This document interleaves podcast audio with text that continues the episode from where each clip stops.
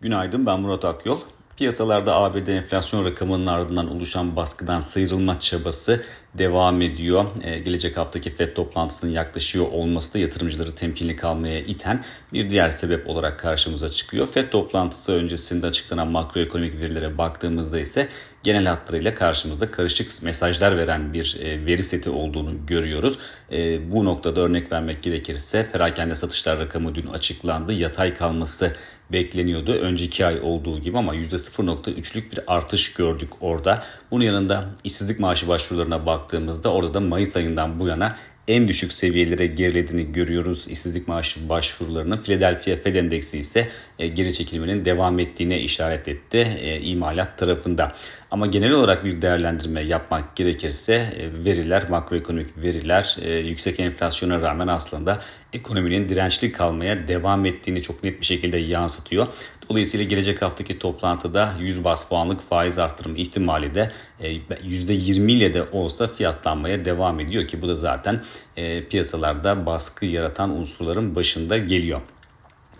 Bugüne dönersek bugün Euro bölgesinde Ağustos ayı tüfe rakamı açıklanacak. Nihai bir rakam bu. Dolayısıyla etki derecesi çok büyük ihtimalle düşük kalacaktır. Zaten veride revizyonda beklenmiyor. %9.1'de kalacağı tahmin ediliyor. Ama e, piyasa beklentisinden daha kuvvetli bir enflasyon görmemiz durumda. Yani yukarı yönlü bir revizyon e, yapılması durumunda. Bunun ilk etapta belki e, daha sıkı bir para politikası beklentisi yaratacağı için euro lehine bir e, eğilim yarattığını görebiliriz ama nihayetinde aslında yüksek enflasyon euro açısından negatif zemin yaratacaktır. Dolayısıyla orada böyle bir senaryoda euronun aslında baskı altında kalması çok daha olası görünüyor.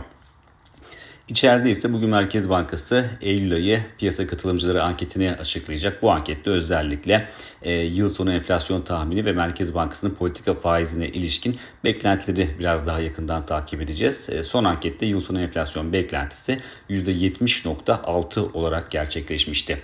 E, Borsa İstanbul'a baktığımızda ise Borsa İstanbul'da dün endeks yukarı yönlü hareket etme isteğiyle güne başladı ama özellikle bankacılık sektöründeki satışların devam etmesi endeksin destek bulmasına izin vermedi. Zaten günün sonunda hemen hemen tüm bankalar e, taban seviyeye gerilemişti ki bankacılık endeksi de böylece %10 değer kaybetti ve bu da genele yayılan bir bozulma yaratınca endeks BIST 100 endeksi günü %2.4'lük kayıpla tamamladı. Teknik açıdan baktığımızda görünümün çok fazla değiştiğini düşünmüyoruz. 3500 puan seviyesi en önemli direnç noktası olarak e, kalmaya devam ediyor. Dolayısıyla iyimserlikten bahsetmemiz için 3500'ün aşılması e, gerekir.